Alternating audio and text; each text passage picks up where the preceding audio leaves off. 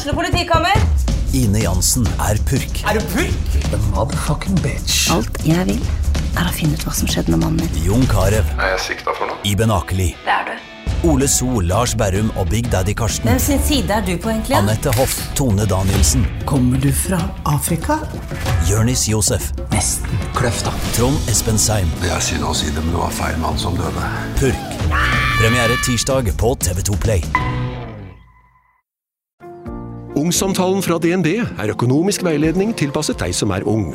Bokk en ungsamtale på dnb.no. slash ung. Det er kjempebra hvis du skal inn på boligmarkedet, hvis det er drømmen din, liksom. Det er det du skulle sagt. Og så kunne du ropt litt mer, da, sånn som jeg gjorde. Bam! Åh,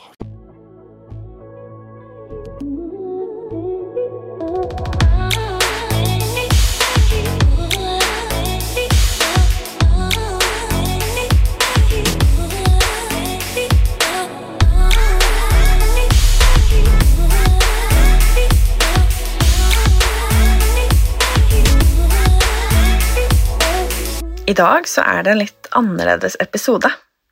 I dag skal dere nemlig få treffe en av mine nærmeste. Silje heter hun. Og Silje hun er manageren min. For hvordan jobber egentlig vi? Hvordan er det å jobbe med meg og influencer marketing? Hvordan ser egentlig jobben min ut? Hvor mye tid legger vi ned? Hva er jobben til en manager? Og hva gjør Silje for meg? Og hva gjør vi sammen? I dag skal du få være med på innsiden av en jobb man kanskje ikke snakker så mye om, men som jeg vet at veldig mange er nysgjerrig på. På baksiden av jobben som influenser, og apparatet bak.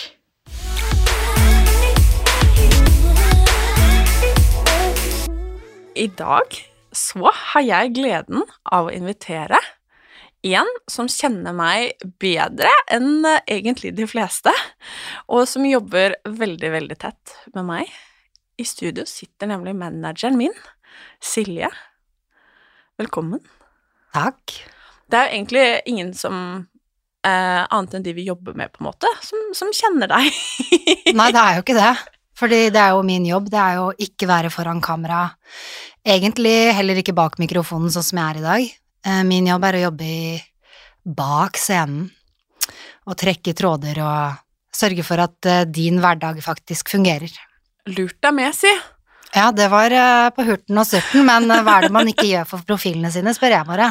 Det er akkurat det. Men altså, eh, vi Hvor skal man begynne, egentlig? Det er, jeg vet jo at det er veldig mange som er nysgjerrig på influenserbransjen, på jobben min, og ikke minst på jobben din. Både hvordan man kan bli influenser, hvordan vi egentlig jobber, hvor mye vi jobber. Det må vi jo også snakke om. Mm. For denne bransjen her, jeg bruker å si at det, det er jo fortsatt en veldig ny bransje som konstant er i utvikling. Det skjer nye ting hele tiden, og man må henge med hele tiden. Um, og så er det jo en bransje som jeg i hvert fall mener er full av en del sånn barnesykdommer. For vi har ikke hatt noe regelverk å forholde oss til, og selv om det begynner å komme, så er det jo mye man ikke verken kan eller vet, og mye som er veldig nytt. Og heldigvis, mener jo du og jeg, så begynner jo bransjen å bli litt mer regulert også. Um, og det vokser.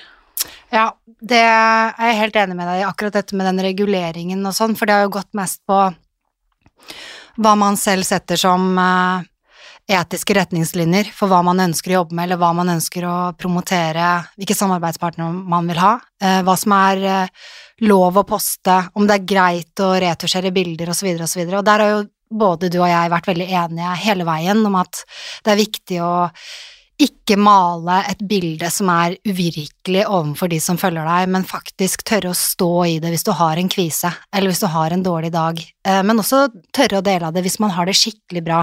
Man skal ikke bry seg om janteloven sånn sett, man skal være seg selv. Så det er fint at vi får inn disse reguleringene, samtidig så tenker jeg også at det har jo vært eh, Sånn som du sier, disse barnesykdommene henger nok litt igjen fra bloggtiden, hvor det var eh, bare om å gjøre om å få mest mulig kliks, og det er jo ikke tilfellet nå lenger, føler jeg, på noe som helst måte. Det handler kanskje ikke om hvor mange følgere du har, men heller hvilket engasjement du skaper, og om du er riktig for dine samarbeidspartnere, om det du står for er i samsvar med deres brand. Så det er fint, eh, for det gir også profiler som kanskje har ikke kjempemange følgere, men som har riktig profil, muligheten til å finne samarbeidspartnere, Og de som er litt større, av de aller største profilene, må begynne å tenke seg litt om, da. Er det jeg kommuniserer ut i verden nå, er det forenlig med de brandene jeg har lyst til å samarbeide med? Og hvis ikke det er det, så må de ta seg en liten eh, ja, titt i speilet og virkelig ordne opp, da. Mm. Fordi jeg og du eh, har jo snakka mye om det, men det er jo ikke nødvendigvis størst som er best. Nei, jeg tror ikke at det handler om å være størst i antall følgere, eh, eller ha de største kontoene. Jeg tror det handler mer om det at du virker genuin i de samarbeidene du tar på deg. Eh, fordi det er ikke til å legge skjul på at det finnes mange der ute som har ekstremt mange følgere, men kanskje 70% av de sitter i et annet land. Det er jo helt meningsløst for en norsk uh, varemerke eller brand eller eh, annonsør da, og skulle legge seg på en sånn type kanal. Samtidig så tror jeg at det handler om at hvis eh, det eh, profilen snakker om daglig helt organisk uten å få betalt for det, at det er forenlig med deres brand values, så er det så klart mye mer troverdig. Eh, det skaper tillit til produktet, for det viser jo at profilen kanskje faktisk har brukt produktene, testet dem ut, og har en genuin mening om dem. Um, det er vi veldig opptatt av, og jeg er veldig opptatt av. Veldig. Og jeg um, fikk faktisk et kompliment her om dagen, det har jeg glemt å si til deg, men det var en som skrev at hun syntes det var så gøy å følge meg og mine samarbeid, fordi hun så at det var produkter jeg oppriktig brukte. Eh, som hvis jeg har hatt et samarbeid med en tannbørste, liksom, så, så, dukker den opp igjen fordi at jeg faktisk bruker den. Eller hvis jeg tipser om en genser jeg syns er dritfin, så har jeg den på meg 14 ganger fordi at jeg oppriktig elsker den, liksom. Altså på rad, da. Og det er veldig, veldig hyggelig, fordi at det er jo Jeg har jo tro på det, og det er jo som vi også snakker om at det er sjukt mange produkter og ting og tang som man bruker i løpet av en dag, så i stedet for å på en måte jobbe med ting som man ikke på en måte bruker, så kan man jobbe med det som man faktisk liker å bruke hver eneste dag fra før av også.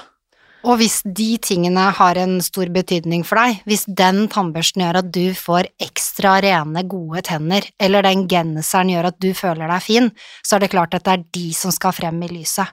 Og der har jo vi vært beinharde fra dag én. Vil du virkelig bruke dette produktet? Føles det riktig? Sitter det godt? Er dette noe du ville hatt på deg når kameraet var av? det har vært eh, grunnlaget for å svare ja eller nei til samarbeid. Og det er jo ikke til å legge skjul på, Martin, at vi har takket nei til mange samarbeid eh, siden du og jeg startet å jobbe sammen i 2019. Mm. Og jeg ser jo ofte at eh, influensere og andre enn meg også får spørsmål om eh, takker du nei til mye samarbeid, eller takker du ja til alle samarbeid, og alle svarer jo det, uten at jeg nødvendigvis helt ser at det er et faktum. Eh, men for meg og for deg så har jo det vært ekstremt viktig, fordi uten troverdighet, uten at jeg er meg ut i fingerspissene, så har jeg jo på en måte ikke kanalene mine og det jeg kommuniserer, noe verdi heller, hvis på en måte Altså, du får jo det du ser, og det du ser, det er meg. Absolutt. Og så er det litt det med at eh, samarbeid skal også ha en synergieffekt. Sånn at eh, hvis du eh, gjør et samarbeid med en partner som du gjør kun én gang, som kun viser seg én gang i kanalen din, eh, og det gjør du fordi du har fått ekstremt mye penger for det, men du står egentlig ikke 100% inne for det, så vil det nummer én, det vil jo skinne igjennom på samarbeidene, men det vil jo også være dårlig for CV-en din, da. Fordi samarbeidspartnere behandler jo influensere som om det er et eh, ja, som om man sender en søknad, så du skal faktisk sende en CV på de tidligere samarbeidene dine og vise at dette er Eh, andre brands som ikke er konkurrerende, men som dere kan allikevel stille dere bak. Og det er mm. veldig viktig. Det er veldig viktig. Det er veldig mange som også lurer på businessen her. Um, og den er jo du rågod på, uh, og det er derfor vi funker så bra sammen også. Uh, og jeg må jo også bare si det, uh, for det er veldig mange som er nysgjerrig på hvordan ting fungerer. Og jeg har jobba med mange opp igjennom, og endelig funnet en som som matcher meg og min teori og mine verdier. Og det er ikke bare bare å finne, uansett hvilken jobb man har, tror jeg. Men hvordan funker det egentlig? Altså influencer marketing? Ja, fordi det som er litt spesielt med marketing sånn som det er, eller influencer marketing sånn som det foregår per dags dato, det har forandret seg en del siden du og jeg begynte å jobbe sammen. Fordi da du og jeg begynte å jobbe sammen, så var vi nok eh, ganske eh, på det å få kontakt med eh, potensielle samarbeidspartnere, og vi sendte mye mailer ut til folk. Eh, og så fikk vi jo noen samarbeid i begynnelsen da vi startet, som vi følte var ekstremt god match, og det var jo med folk som vi hadde veldig stor tillit til, og som hadde stor tillit til oss. Eh, nå vil jeg jo si at mye av det som eh, foregår i, i det markedet, det er nok en del også som tar kontakt med oss via mediebyråer. Og det har forandret seg en del, fordi tidligere så hadde mediebyråer kanskje mer ting som gikk på TV, eller ute på altså sånne postere som du ser når du går forbi, ikke sant. Eh, det kunne være radio, det kan være podkast, og via mediebyråer har du gjort en del samarbeid på podkast også. Men deg som influenser i dine egne kanaler, der det kommer noe inn fra mediebyrå, eh, det kommer en del inn fra PR-byråer som sitter eh, rundt omkring i landet eller i Skandinavia. Og det er eh, folk som vi har snakket med over tid, eh, og som har fulgt med din vekst og forstått eh, hvor viktig eh, du kan være for et um, produkt eller et brand så lenge du står inne for det. Og, og, så har vi også måttet jobbe en del med det å få dem til å forstå eh, hvem du er. Um, så det har vært en prosess i seg selv, for det å skulle forklare hvorfor du er brandsafe, og altså fremfor en annet menneske eller fremfor en annen influenser, det er jo selvfølgelig en jobb i seg selv, det òg. Men uh, i dag så går det jo veldig mye på at uh, vi uh, finner samarbeidspartnere og booker inn en avtale som da går på aktiveringer på sosiale medier, eller det kan være at du skal være med i en reklamefilm, eller det kan være hva som helst, egentlig, og at vi sørger for at det går smertefritt, da. Og da er jo vår jobb som management, det er jo å faktisk tilrettelegge sånn at du får gjort den jobben, men det er jo du som må til syvende og sist gjennomføre den, for det er jo du som er det kreative hodet, eh, og som skal gjennomføre konseptet og si noe fra egen sjel, og det tror jeg også folk ikke skjønner, at eh, det å skulle skape organisk innhold til mange kanaler, mange poster hver eneste dag, at det ikke skal være akkurat det samme som i går eller dagen før, men i tillegg da ikke det samme på kanskje alle kanalene, og så skal du i tillegg lage reklame eh, eller eh, samarbeid eller hva enn det skal være, holde foredrag, ikke sant, at det er en enorm jobb. Det er 12-15 eh, timer om dagen med brainstorming og kreativ prosess, og der kaster vi jo en del ball, men allikevel så er det du som er på en måte sjefen for det kreative, mens jeg er mer sjefen for det som skal organiseres, logistikken og eh, samtalene som handler om budsjetter og hva de kan få lov å bruke deg til, da. Mm. Og det er jo Jeg får jo ofte liksom den hvis jeg folk, Jeg treffer nye folk, for eksempel, og 'Ja, hva driver du med?' Og så svarer jeg liksom Jeg får alt setter litt i halsen hver gang jeg skal svare, liksom, fordi jeg vet ikke hvordan de tar det imot. Og det er jeg på en måte litt lei meg for, fordi jeg er sykt stolt av jobben min og det vi gjør, og det vi får til, og det jeg gjør sammen med gjengen min da, på sosiale medier. Um, men jeg får jo ofte den i retur. Og den holdningen gjør nok at jeg også på en måte syns det er litt vanskelig å snakke om det òg, fordi folk liksom bare Å, det må være sykt digg å være influenser. Og folk har kunnet liksom sagt det, mamma og pappa til og med, altså sånn Folk de har møtt, og liksom bare sånn Ja, det er blogger man skulle vært, liksom.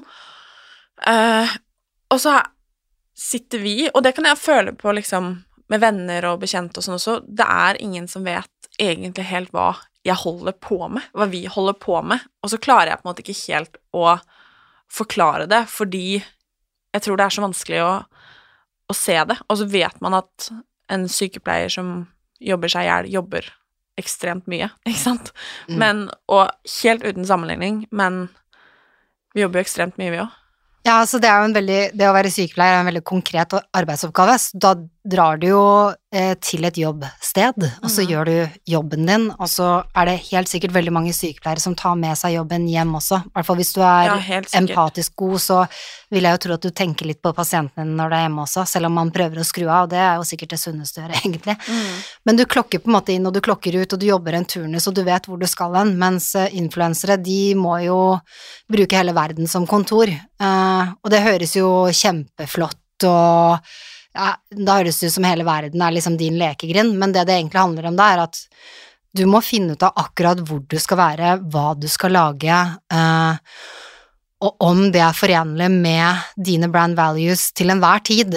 Sånn at det, det er nok eh, en del planlegging som skal inn der som folk ikke skjønner helt. Og så tror jeg også det at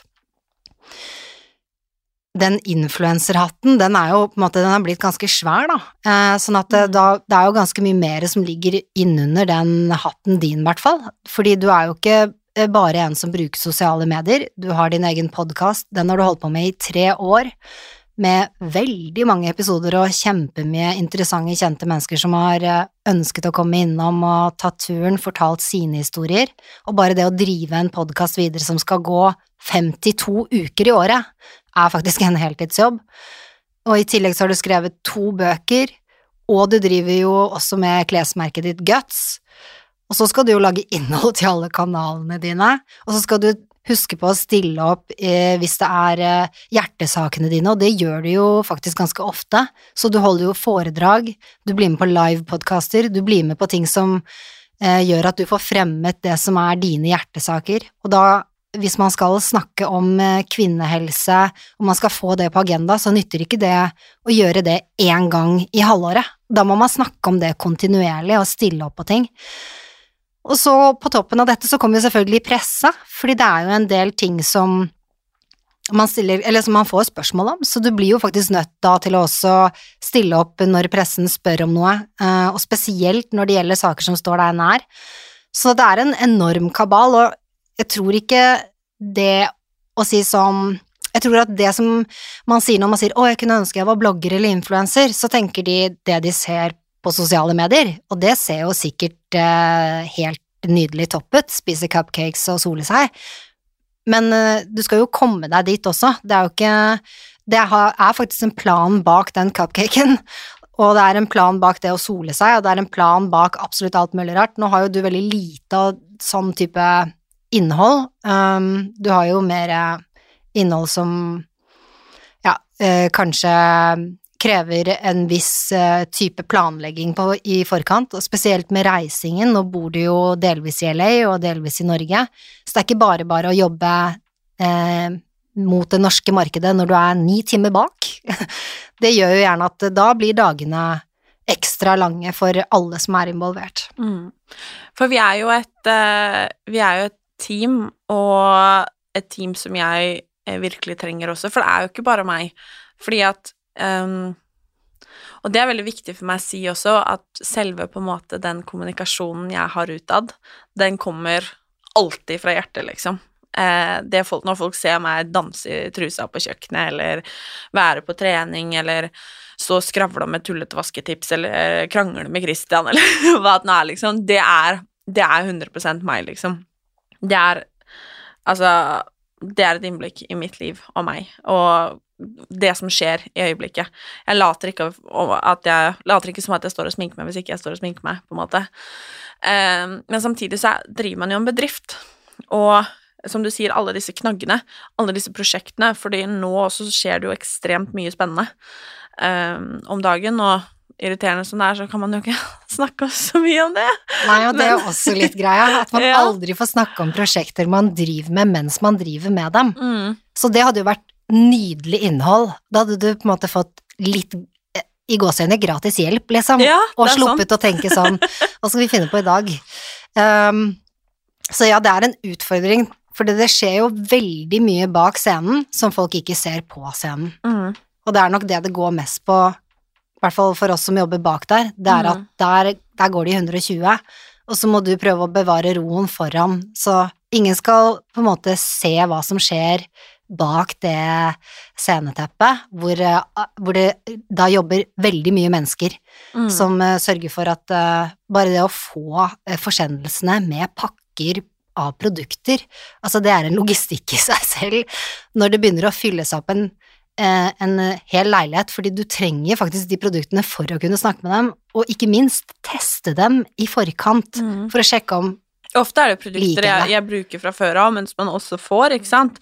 Det er jo det som er òg. Og så er det liksom Det er bare, bare som med podkastene, her vi sitter nå. Um, altså det er jo en her som hjelper med eh, koordinering og sørger for at alt blir levert, og holder på en måte i meg hånda, da, kan jeg jo egentlig si.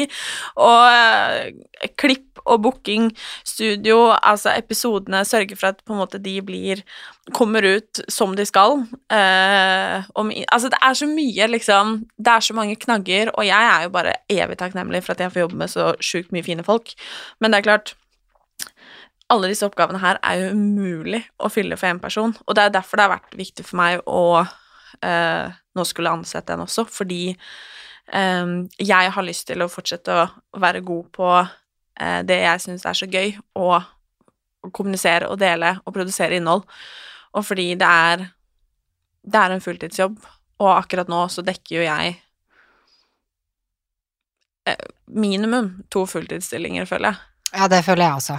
Minimum. Ja, og det er jo litt sånn Altså, de kontaktene vi har og vi jobber mot og sånn, det er jo selvfølgelig kontakter vi har jobbet med lenge, men det er jo også fordi de jobber med brands som vi ønsker å jobbe med, um, og som vi, vi, vi, vil jo helst jobbe med folk på langtidsprosjekter. Vi ønsker jo ikke sånne korte prosjekter, og da uh, hvis vi innleder nye samarbeid, så er det jo gjerne fordi du kommer og sier sånn nå har jeg drukket uh, denne hva enn det skal være, i to måneder. Den dette er det beste jeg noensinne har smakt. Altså, vi må samarbeide med disse. Flere må få lov å skjønne hvor sykt digg dette er. Og så Det er liksom gjerne starten på et nytt samarbeid. Uh, mens de samarbeidene vi gjør som er uh, som kommer inn til oss, eller som vi har hatt kontakt med lenge, det er jo gjerne ting som du har prøvd lenge, men kanskje de oppgraderer, la oss si en elektrisk sandbørste, da, som har kommet med en ny versjon som er enda bedre. Da må du jo få teste den nye versjonen, selv om du er ga altså glad i den gamle versjonen. Mm. Eller det kan være godteri, og jeg mener, vi er ikke fremmede for godteri. sånn at det, eh, det, er nok litt sånn Elsker når det kommer nytt godteri. ja, det er veldig hyggelig når det kommer nytt godteri. Um, men jeg tror nok det at folk uh, ser det som skjer på scenen, bare, det gjør nok at man får et litt uh, ja, forenklet bilde av hvordan det faktisk er å være uh, influenser, uh, og spesielt en influenser som har da også veldig mange andre sideprosjekter som er like viktige. Mm. Ja, det, det, er sikkert og visst. Det er jo også mange som lurer på, på en måte hvordan man kan leve av det å være influenser. Og hva er det, hva er det vi lever av? Altså, du lever jo av en rekke ting, fordi du lever jo ikke bare av sosiale medier, men du holder jo også foredrag, og du skriver bøker, um, du stiller opp i reklame, um, ikke filmer, men materiell, uh, i tillegg til SoMe-kanalene dine og eh, podkasten. Sånn at uh, hvis man skal leve av det å være influenser, så må man jo først og fremst lage seg et Eh, brand, altså skape et brand rundt deg som influenser. For det nytter ikke å være i hvert fall jeg syns at det er vanskeligere å, å få ordentlig liksom, grepet på de som er helt hummer og kanari. Mm. Så en dag så er det matoppskrifter, en annen dag så er det eh, ja, et eller annet eh, helt farfetched som ikke henger på greip. Sånn at jeg tror det er enklere for de som har en tydelig profil, å, å finne seg samarbeidspartnere. For det er ikke det at du som influenser ikke kan dele en matoppskrift eh, hvis eh, du har en livsstilsblogg, men det er bare det at du må skape en kjerne, en verdi, rundt deg selv. Og for din del, Martine, så har jo kvinnehelse vært veldig høyt oppe på listen, så din det som på en måte er ditt brand, det er jo kvinnehelse, og så er det eh, likestilling og rettferdighet, og så er det det å rett og slett være glad i deg selv, akseptere at dager er opp, dager er ned. Og der har vi på en måte en kjerne, og i det så er det noen dager du slenger inn en Grandis, andre dager så klemmer du til og, og virkelig lage mat, og noen dager trener du, og andre dager har du på deg casual wear, kanskje noen dager har du lyst til å pynte deg. Sånn at det, eh, der er det på en måte naturlig, fordi du er et menneske og viser hvem du er, er veldig gjennomsiktig på det.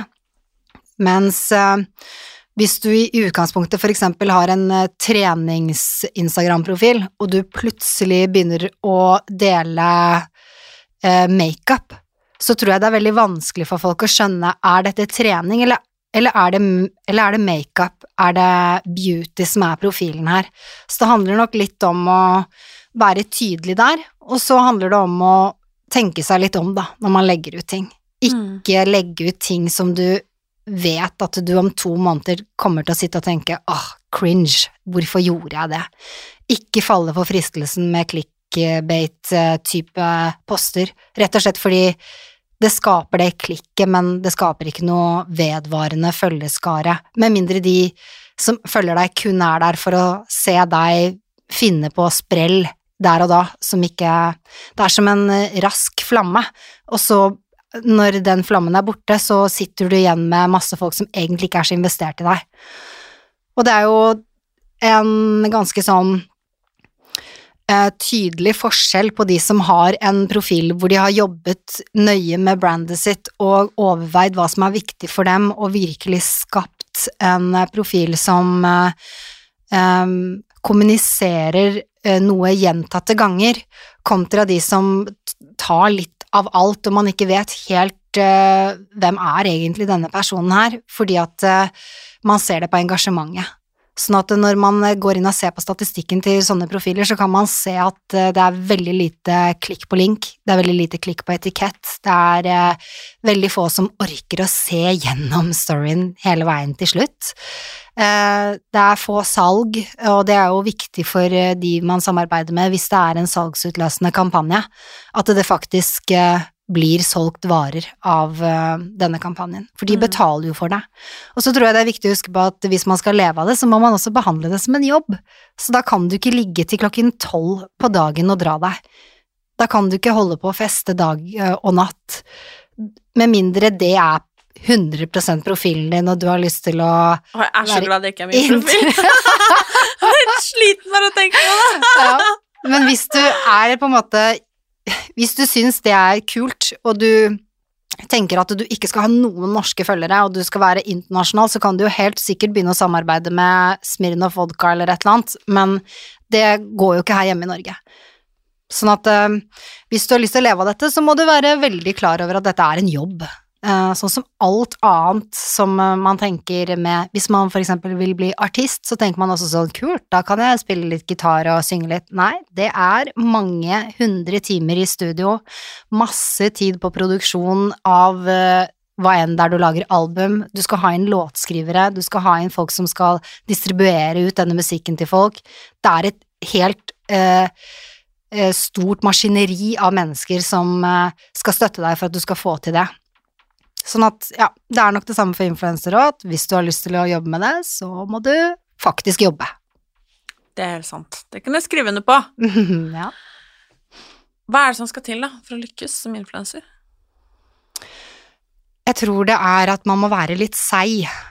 Man må, hvis man har funnet seg et eller annet man har virkelig lyst til å kommunisere ut, uh, som er viktig for deg, og som du mener at det er viktig for andre å få med seg, så må man tørre å stå i det en stund og i en kanskje ganske lang periode, hvis man starter opp, så må man også faktisk finne seg en annen jobb til det bikker over, og det blir så mye at du faktisk kan leve av det. For det er ikke gitt at du kan leve av det å være influenser i starten. Det skal ganske mye til for å gå viralt på Instagram, for eksempel. Jeg vet at det er mye enklere på TikTok, men sånn som ting er i dag, så Eh, vil ikke creators på TikTok i Norge få betalt på samme måte som man får i USA, sånn at uh, TikTok er morsomt, kjempegøy, men uh, ikke kanskje like inntektsbringende i Norge per dags dato. Du kan selvfølgelig ha samarbeid der også, og det er jo mange som gjør det, men hvis det er planen er å bli influenser, så er jo hovedkanalen i dag er nok Instagram og Snapchat, det er jo det som er størst. Mm. Um, men da må du jo faktisk eh, tørre å vokse, organisk, ikke frist, altså ikke falle for fristelsen av å skulle kjøpe seg følgere, ikke gjøre stunts som er helt utenfor ditt eget brand og din egen komfortsone bare for å få følgere, uh, ikke skape dramatikk eller kontrovers, men bare rett og slett stå stødig. Det er litt forbi den tiden der, føler jeg. Ja, det er liksom ikke like vanlig lenger. Eh, sånn clickbating, det er på en måte ikke det gir ingenting for noen annonsører, dessverre, så det, det, tror jeg man skal bare legge helt fra seg. Jeg tenker jo det egentlig er litt bra. Jeg syns jo det er Helt klart. tullete måte å skulle kommunisere noe på hvis du faktisk har noe viktig å si. Tenk om du har et eller annet du brenner inne med som er kjempefint for omverdenen å få lov å ta del i. Så man skal stole litt på magefølelsen, og så kjenne litt etter. Og så huske på at hvis man skal være en offentlig person, så må man også ta hensyn. Man kan ikke bare spy ut alt av egne meninger og tenke at det går helt sikkert fint å si disse tingene, men faktisk kjenne litt etter hvordan hadde jeg mottatt dette her hvis jeg satt på den andre siden av bordet. Eh, og vi lever jo i en eh, kultur hvor folk blir lett krenket, sånn at eh, man skal være litt lydvar på det man eh, legger ut. Gode tips, ass. Ja, er det det? Ja, jeg syns det. Det var som jeg skulle sagt det sjæl. Ikke sant? Ja, men det er sikkert fint, eh, for det sitter jo Og det tror jeg, helt ærlig.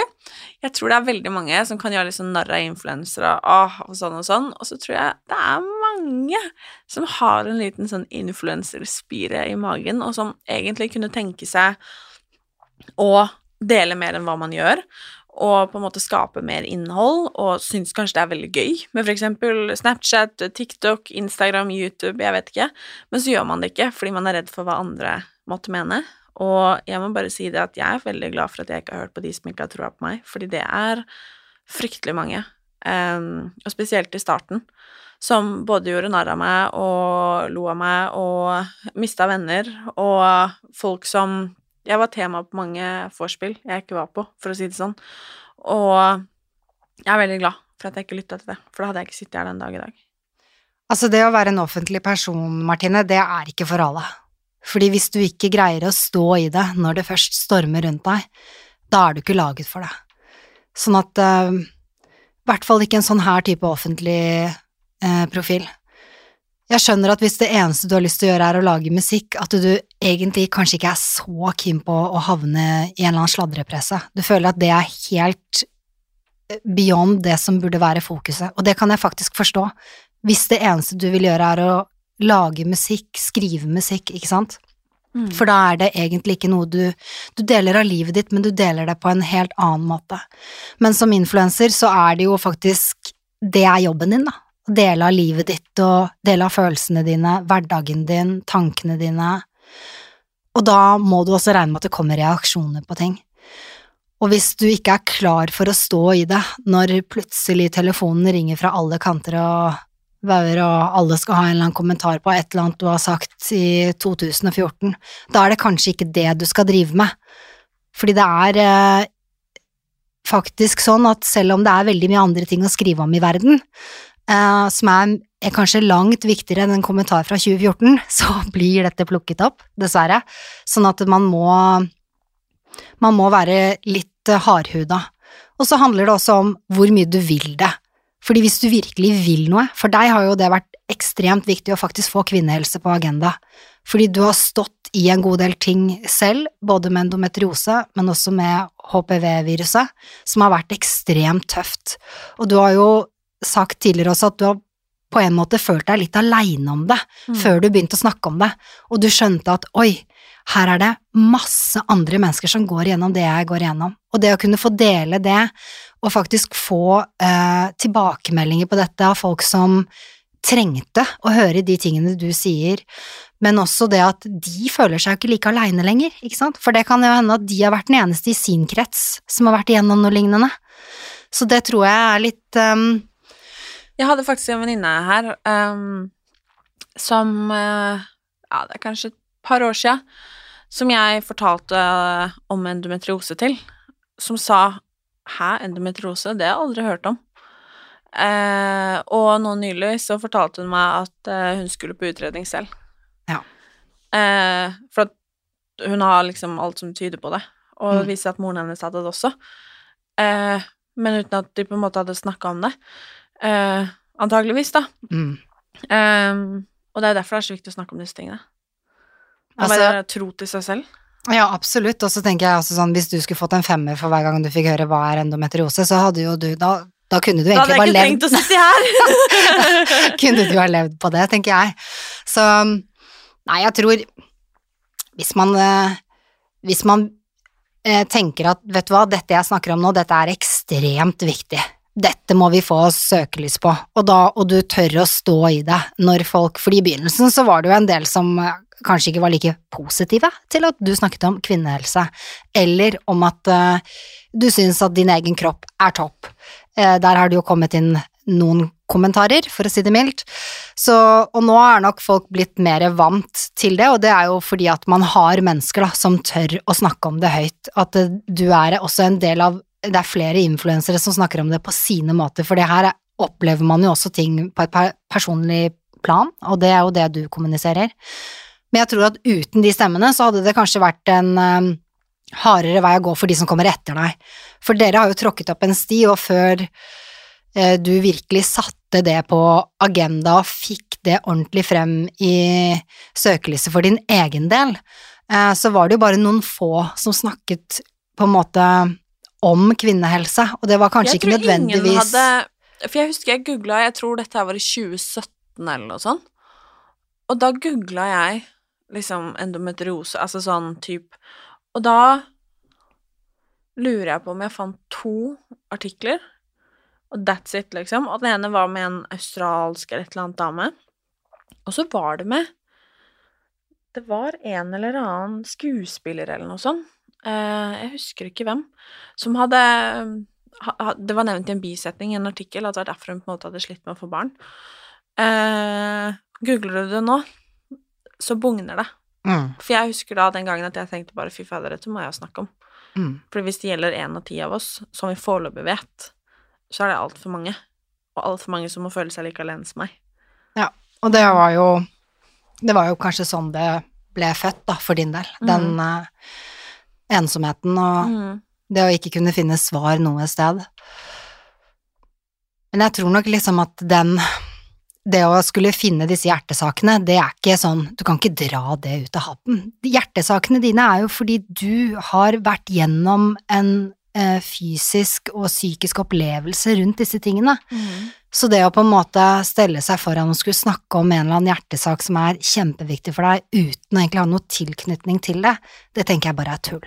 Og jeg tenker jo, man må jo ikke som influenser på en måte ha nødvendigvis en hjertesak heller, men man må i hvert fall ha en, en nisje, noe, noe som gjør deg til deg, og um, jeg pleier å si det også fordi, til de som på en måte har lyst til å bli influenser eller sånn og sånn, da, at uh, alle andre er tatt, liksom, så du må skape noe eget. For jeg tror det er lett å være inspirert av noen, og det må man jo være og bli, det gjør jeg også, hele tiden.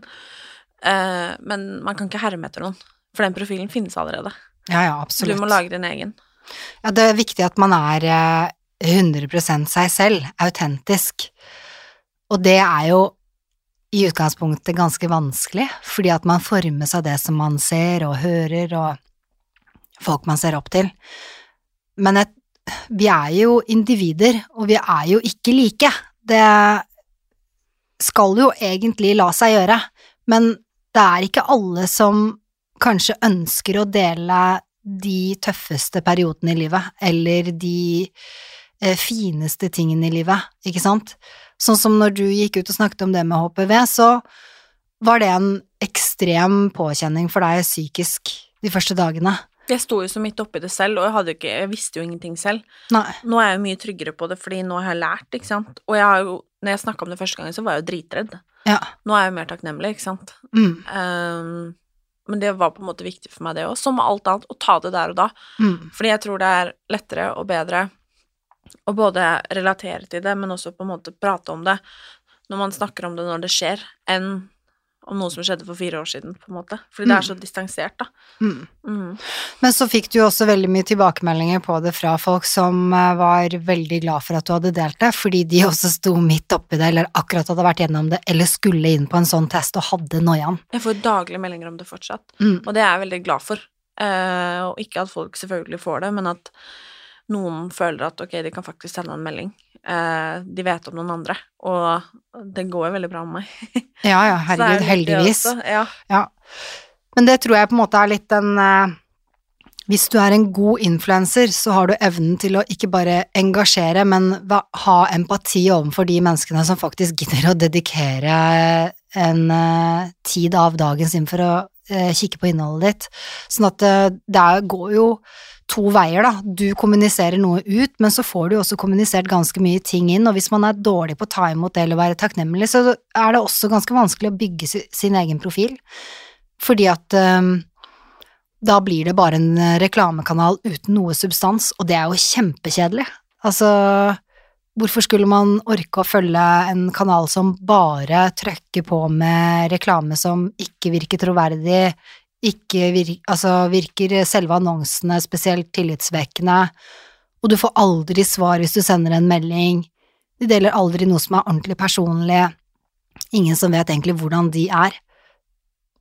Det er vel kanskje ikke det som er mest uh, Det er i hvert fall ikke det som gir deg flest samarbeidspartnere, hvis du er veldig overfladisk på ting. Samtidig så finnes det selvfølgelig samarbeidspartnere som ønsker det òg, og innenfor visse typer felt så er det ikke nødvendig å dele så mye av seg selv. Interiør, for eksempel, der er vi mer opptatt av det visuelle. Mm, Ser det- fashion. Ja, fashion, ikke sant. Fordi da er det mer et visuelt eh, kommunikasjonsverktøy. Um, mens både interiør og eh, fashion, altså for den saks skyld, det er jo statements, sånn at det viser jo hvem du er via disse tingene.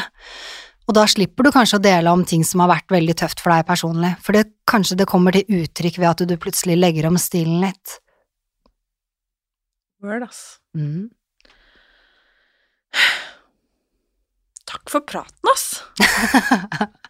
Ja, takk for at jeg fikk komme. Vi prater jo veldig mye, da. Ja, vi prater jo hele tiden. Det er veldig sjeldent vi setter oss ned og prater sånn som det er, egentlig. Stort sett så er det bare sånn hei, du, du, du, du, sier ikke hei i telefonen engang. Nei, som oftest så pleier jeg å ringe, og når du svarer, så bare moser jeg på. Og det er jo skjedd et par ganger at uh, lillesøster eller mor sier sånn 'Det er ikke Martine', men hun kommer snart. Og da har jeg bulldoset i vei med beskjeder. Jeg vet. Og samme meldinger også. Det hender at vi liksom tekster sånn ja, ni-ti på fredagskvelden, liksom. Det skjedde jo nå før helgen, blant annet. Eh, fordi vi holdt på å jobbe med noe som måtte leveres. Det var ikke liksom ok, det var helg, jeg så dobbelt, og du så sikkert dobbelt, du òg. Men vi måtte, vi måtte ha det klart, liksom. Eh, og så kom jeg på sånn 40 minutter kanskje etter vi teksta, liksom, litt sånn, litt sånn strengt fram og tilbake, liksom, uten så mye følelse, bare sånn sånn, sånn, sånn, sånn. Bare sånn God helg, da, forresten! Det er viktig å si det, da. og da fikk jeg bare til svar bare sånn Det er ikke helg før vi er ferdig med dette i morgen. Nei, det er sant, da. Ja, sånn er det faktisk, og det går eh, Det er jo én ting også, at eh, man er jo aldri ferdig, man er alltid på. Så om det er åtte om morgenen, eller noen ganger når du er i LA og jeg er i Norge, så er det fem på morgenen for deg. Eller tolv på kvelden for meg når klokken er liksom fire eller tre hos Ja, deg, ikke sant? ja. Jo, men samme for meg, og det er eh, Og jeg kan våkne liksom eh, Det er ikke så lenge siden jeg våkna. Bråvåkna klokka fire på natta og hadde glemt et eller annet. Og det var ikke noe som på en måte Det, det brant ikke, liksom, men jeg våkna, og da måtte jeg gjøre det, liksom. Fordi hodet Jeg føler liksom Det er hele tiden på jobb. Og det er sikkert en del yrker som kan kjenne seg igjen i, og så er det mange yrker som, som slipper. Ja, det tror jeg også. Jeg tror det er veldig mange yrker som slipper det, og det, det er for spesielt interesserte å måtte alltid være på, men heldigvis er jo det noe du og jeg liker, da, fordi vi alltid kan kaste ball om ting. Så jeg er jo ikke akkurat redd for å ringe deg på en søndagsmorgen, selv om du egentlig skal spille, spise frokost med familien, men du er jo ikke redd for å gjøre det med meg heller, Nei. fordi vi vet at hvis det brenner, så brenner det. Men det tror jeg er viktig når man jobber sammen også på den måten som det, det vi gjør. Og det krever en tilgjengelighet. Og altså, jeg elsker jobben min. Jeg ville ikke bytta det mot noe annet. Og det er en enorm frihet, selv om det er et enormt ansvar. Det er, eh, hva heter det, frihet under ansvar. Ja. Men jeg elsker også jobben min. Ja, det, Jeg jo, er elsker den sånn faktisk. faktisk. Det er en sånn Jeg bare mm, Jeg vet ikke, det er bare sånn Det er sånn drive som jeg bare Jeg klarer ikke å sette fingeren på det. Eh, jeg pleier å tulle med Chris og si at eh, jeg også driver med toppidrett, fordi jeg tror man investerer det samme. Eh, jeg er bare jævlig glad jeg slipper å trene seks timer om dagen, men, Ja, det ser veldig slitsomt ut. men altså, det er den samme Altså, det er den samme investeringen man gjør i både seg selv og i karrieren og i det man driver med. Og det uh, Kanskje en dag man får Jeg vet ikke at man skjønner det, men det er helt greit om folk ikke skjønner det, så lenge jeg får gjøre det jeg elsker. Jeg tenker at det er litt vanskelig å skjønne før du sitter i det selv, for det er et spesielt type adrenalin og endorfiner som utløses når du jobber med det, og du virkelig får til noe du har jobbet med skikkelig lenge, som du jobbet beinhardt med, og så kommer den meldingen inn om at yes, dette skal vi gjøre.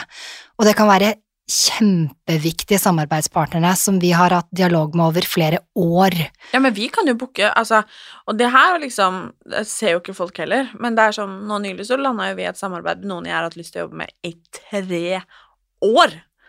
Altså, det er liksom bare sånn Hallo, hallo, hallo. Og de har hatt lyst til det, de også, men det har på en måte ikke passa seg, og korona, bla, bla, bla. Men sånn endelig tre år. Mm. Og så bare Yes. Og det var jo faktisk tre år med dialog, så Ja, den ja, mailtråden ble jo sånn 150-170 Minst. lang, i hvert fall. Så det er, eh, det er, det er veldig mye eh, Jeg føler at man får en ganske sånn stor gevinst ut av det. Det er veldig selv... Eller det er veldig tilfredsstillende eh, når du virkelig får til ting, og du får bare til ting hvis du jobber ekstremt hardt. Så det er nok for spesielt interesserte å, å skulle ville være på i hodet så mye. Og så tenker jeg jo litt synd på partnerne våre, kanskje, som da må leve med også at de Altså sånn som kjæresten min, hun må jo leve med at Martine sender meldinger eh, uansett når det er, men det må jo faktisk Chris også, stakkars. Ja, ja, ja. Jeg vet ikke hvor mange samtaler han har måttet høre på og bare være stille. I know, og han pleier å si sånn eh, Hvis det er noe som må fikses, da. Det kan være typ at eh, Jeg vet ikke om oppvaskmaskinen hadde røket, eller eh, Altså, jeg vet da søren om vi må leie en bil. Spiller ingen rolle. Bare sånn Å, kan ikke Silje bare fikse det, da? For Kristian tror at Silje fikser alt, og det gjør det jo egentlig. jeg bare Jo, jo, Silje fikser.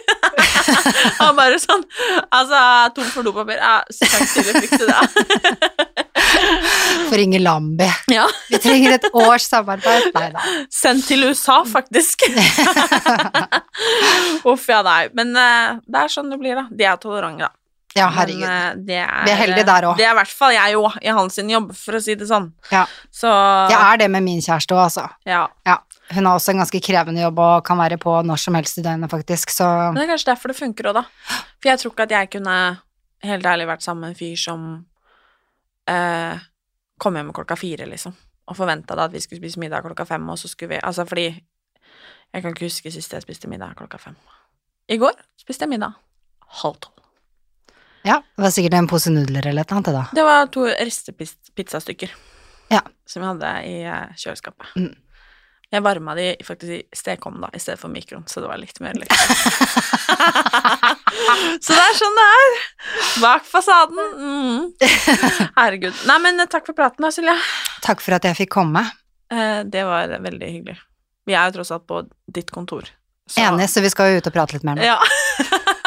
Nei, men takk for praten, og takk for at eh, dere hørte på. Ha det!